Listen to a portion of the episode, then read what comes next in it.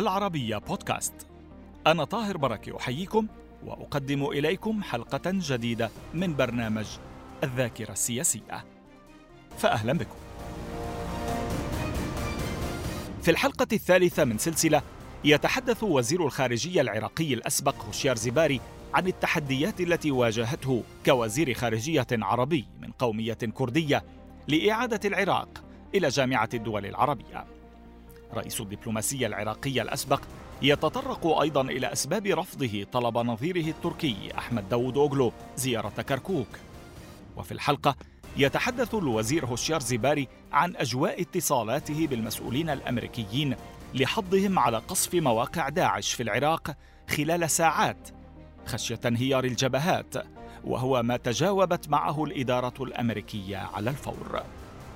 أهلا بكم معنا مجددا مع الوزير أهلا بك آه، آه، تسلمت وزارة الخارجية للمرة الأولى في سبتمبر 2003 في حكومة مجلس الحكم صحيح. الانتقالي ثم مع رئيسي الوزراء السابقين أياد علاوي وإبراهيم الجعفري صحيح. ثم في حكومتي رئيس الوزراء الأسبق نوري المالكي صحيح. يعني عصرت الكثير صحيح. ما شاء الله كنا نتحدث في الحلقة الماضية عن التحديات لكونك كرديا. قلت نعم. أن ذلك واجهك مع العالم العربي. لم يواجهك في الداخل على عندما يكون العمل مع المركز وليس في إقليم كردستان في إطارك الحزبي المتعود نعم. عليه؟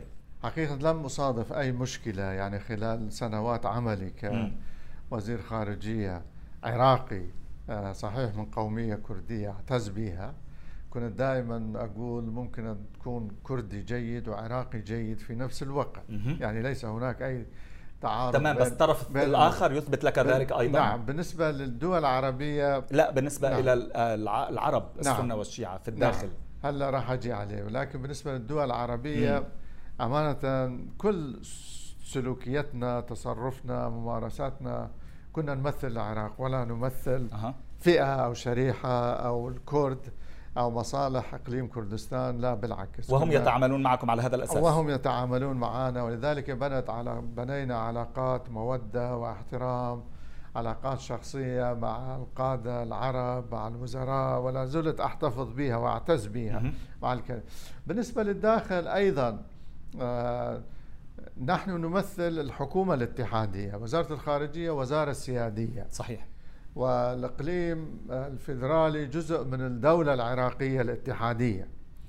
فلذلك كان لابد من إجراء أحيانا بعض التوازن آه، بين متطلبات الدولة الاتحادية واحتياجات حكومة الإقليم. ولكن أيضا ضمن الدستور ضمن الإقليم يعني ضمن قوانين العراق الإقليم أيضا استفاد. آه، يعني لما بدأنا نوسع السلك الدبلوماسي العراقي إلى الخارج والأجنبي إلى الداخل.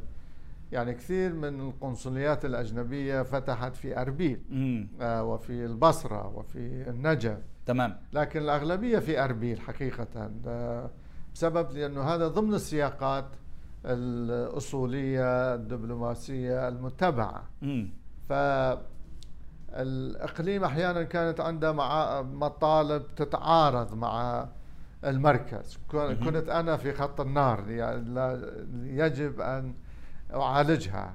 أو أن توازن. أن أوازن مثلا. أو تصل إلى حلول. أو أصل إلى حلول. تعطينا مثل؟ أو أو أعطينا موافقات. مثل أحد أهم شيء خرجنا حقيقه أنه وزير خارجية تركيا تركيا الأخ أحمد داوودوغلو مرة اجى إلى إلى الإقليم اعطيناه موافقات. تمام.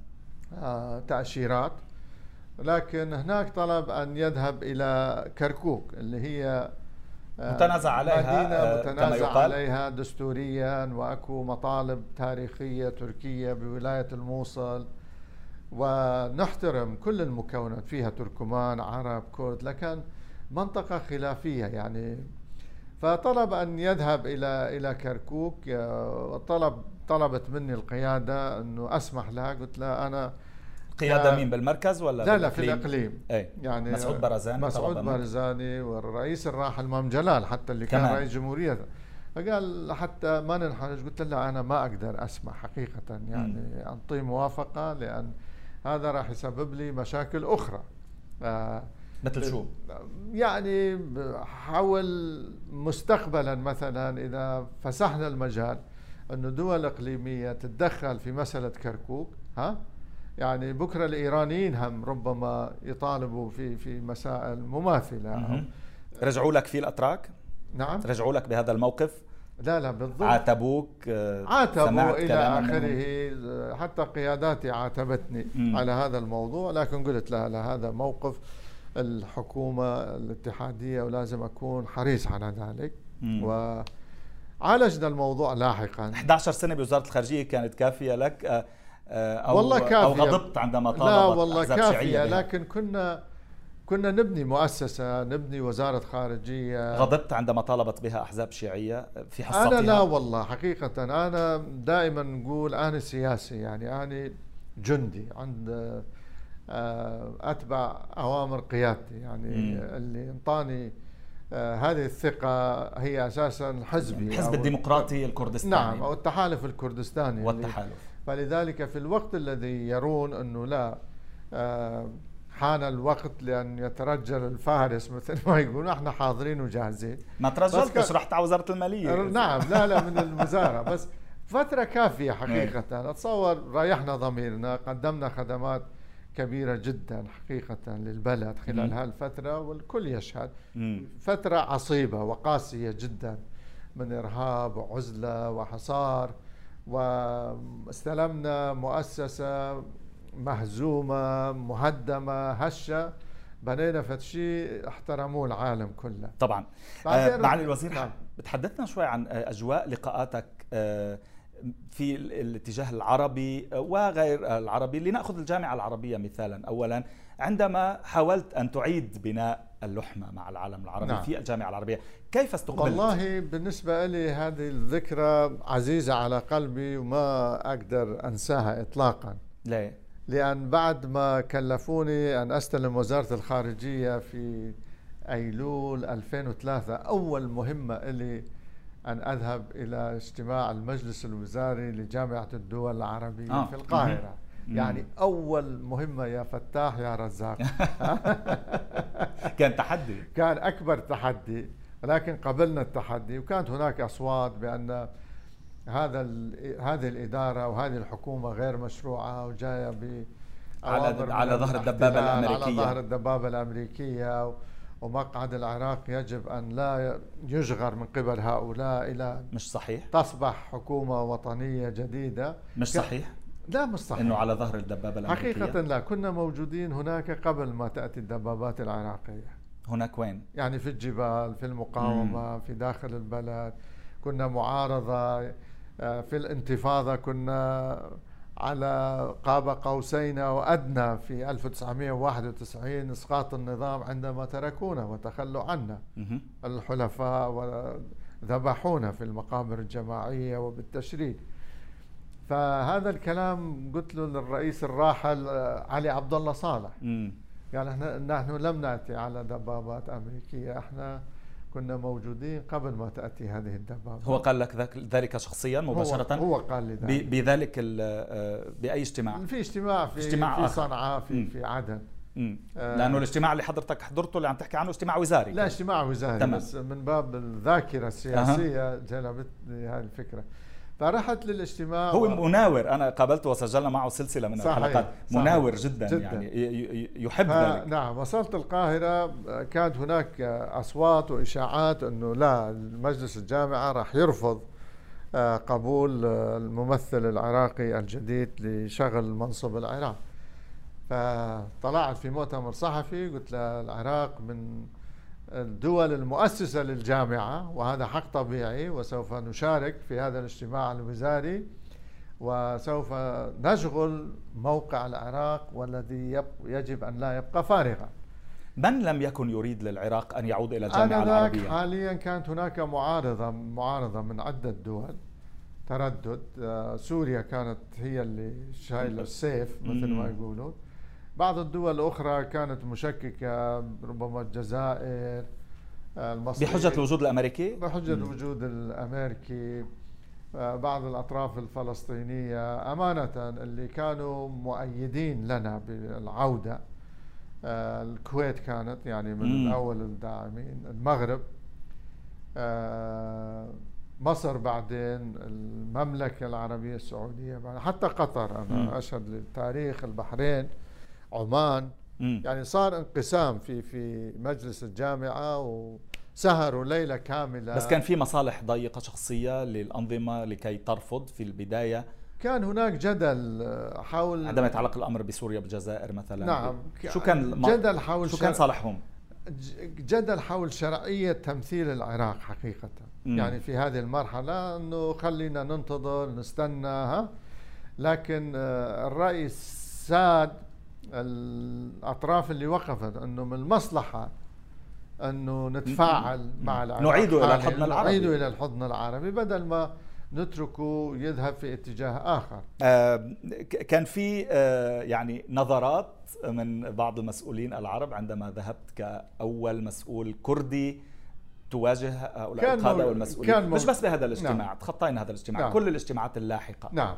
كان موجود آه، هذا الشيء في أول اجتماع في أول لقاء آه لكن أثبتنا للسادة الوزراء حقيقة نحن أحرص منهم على مصالح العراق ورسالة العراق التي أوصلناها لهم كانت مطمئنة أن العراق مع التضامن العربي مع عمق العربي ملتزم بميثاق الجامعة مع القضية الفلسطينية. هو وزير كردي بس بيعرف وزير عربي. كردي بيعرف عربي ربما أحسن من كثير. أحسن من كثير من ال... نعم. تفاخر بذلك ككردي أفتخر بالتأكيد لأن ثقافتي عربية حقيقة.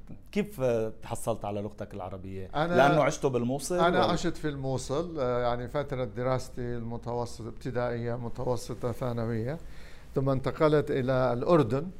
آه، ودرست دراستك الجامعية. الجامعية وكنت ضيف على سيدنا المرحوم جلالة الملك حسين بن طلال.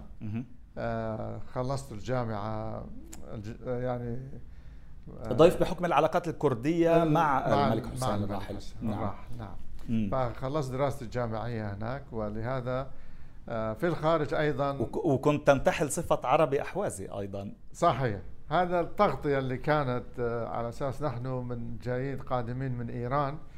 بس بسبب لغتنا ولهجتنا العراقية كانت قريبة من الأحواز كانت الخطة أنه ندعي بأننا إيرانيين ولكن من آه كان خطر كي لا تصل إليكم آه أيادي المخابرات العراقية كانت في قوية وفاعلة خاصة في عمان خلال هذه السنوات السبعينيات كانت في أوج جبروتها وقوتها.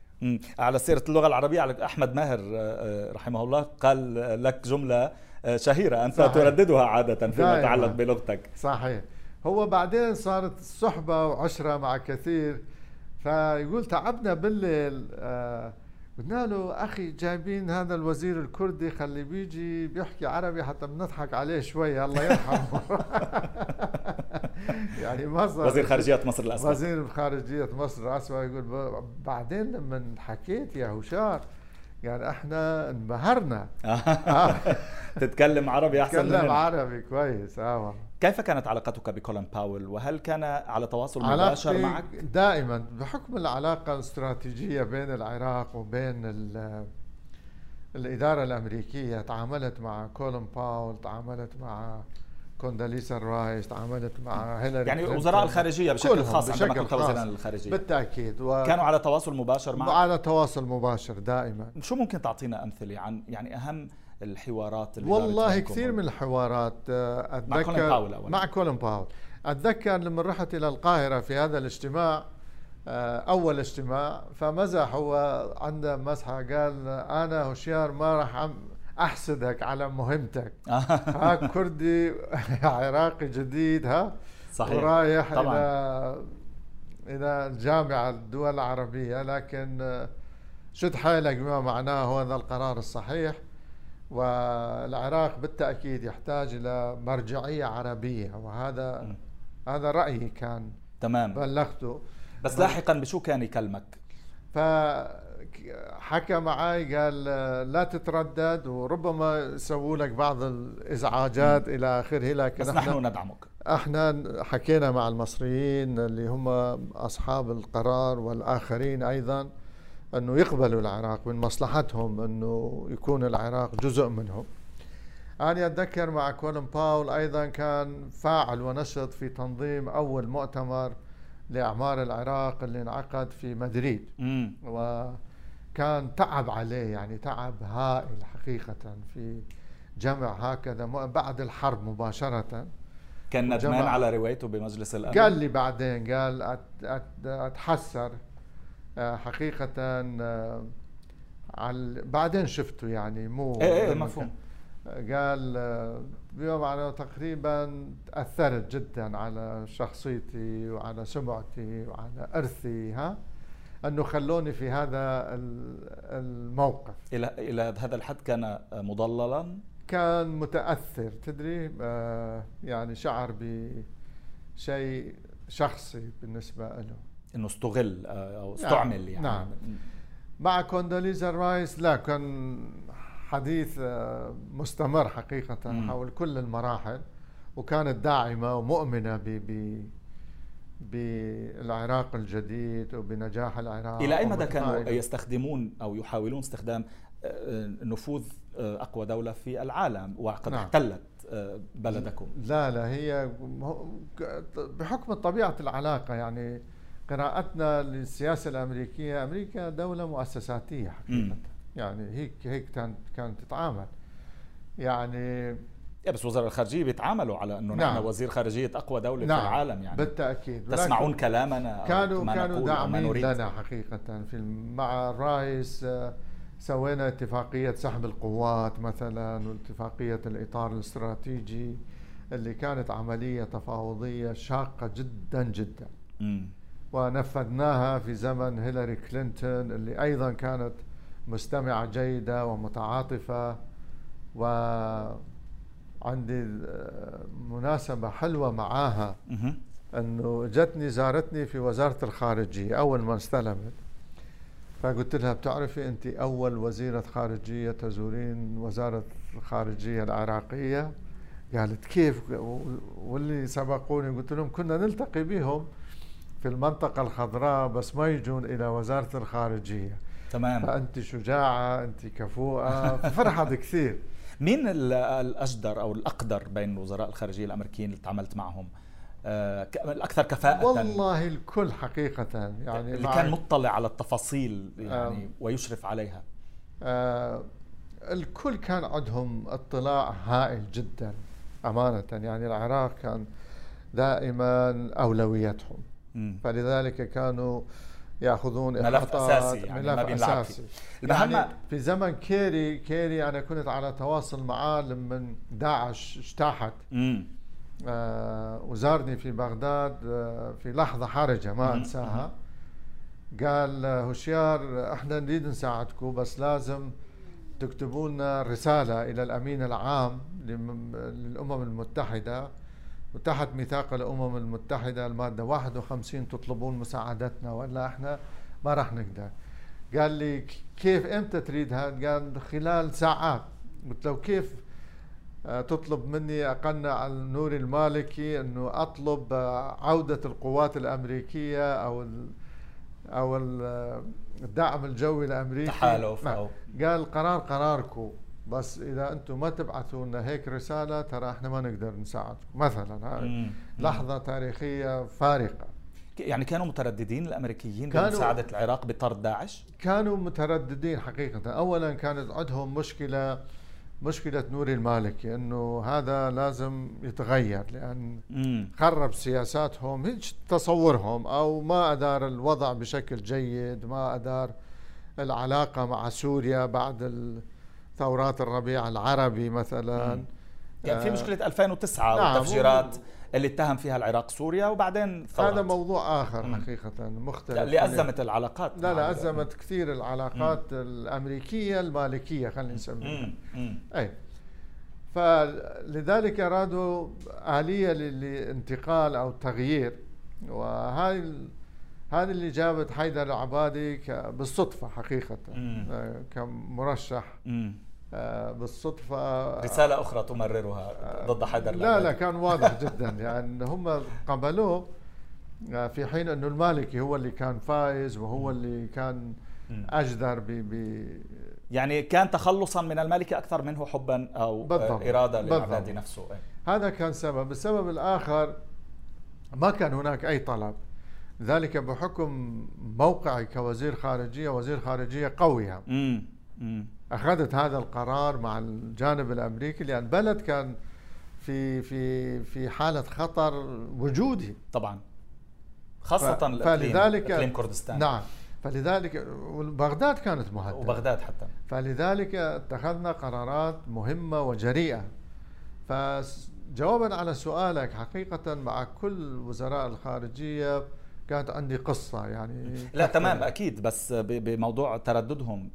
كيف رجع كيف عالجتم الموقف؟ عالجنا الموقف هم العراق طلب مساع... طلب دعمهم لقصف قواعد داعش في الصحراء. حقيقة أنا ذهبت إلى أمريكا وطلبت منهم من جنرال دامسي اللي كان رئيس هيئة الأركان. طلبت منهم إنه يساعدونا في قصف بعض المواقع. قالوا اكتبوا لنا رسمي لأنه إحنا ما نثق هل هذا موقف الحكومة أو موقفك أو موقف جهة. قلنا بس هو هيك طبيعة العمل المؤسساتي مش أسباب أخرى لا طبيعة. تأخرهم. لا لا كانوا مشكوكين. أنا بعرف أنك ما بتآمن بنظرية المؤامرة. لا والله أنا مو مؤمن بنظرية المؤامرة. لكن قالوا اطلبوا منا رسالة رسمية حتى نجي نساعدكم. رجعت بلغت المالكي قلت له هيك طلب. قال هذول بدهم يرجعوا أبو كريم مرت له قلت له بابا. بعدين لما تمددت داعش وصلت على أبواب.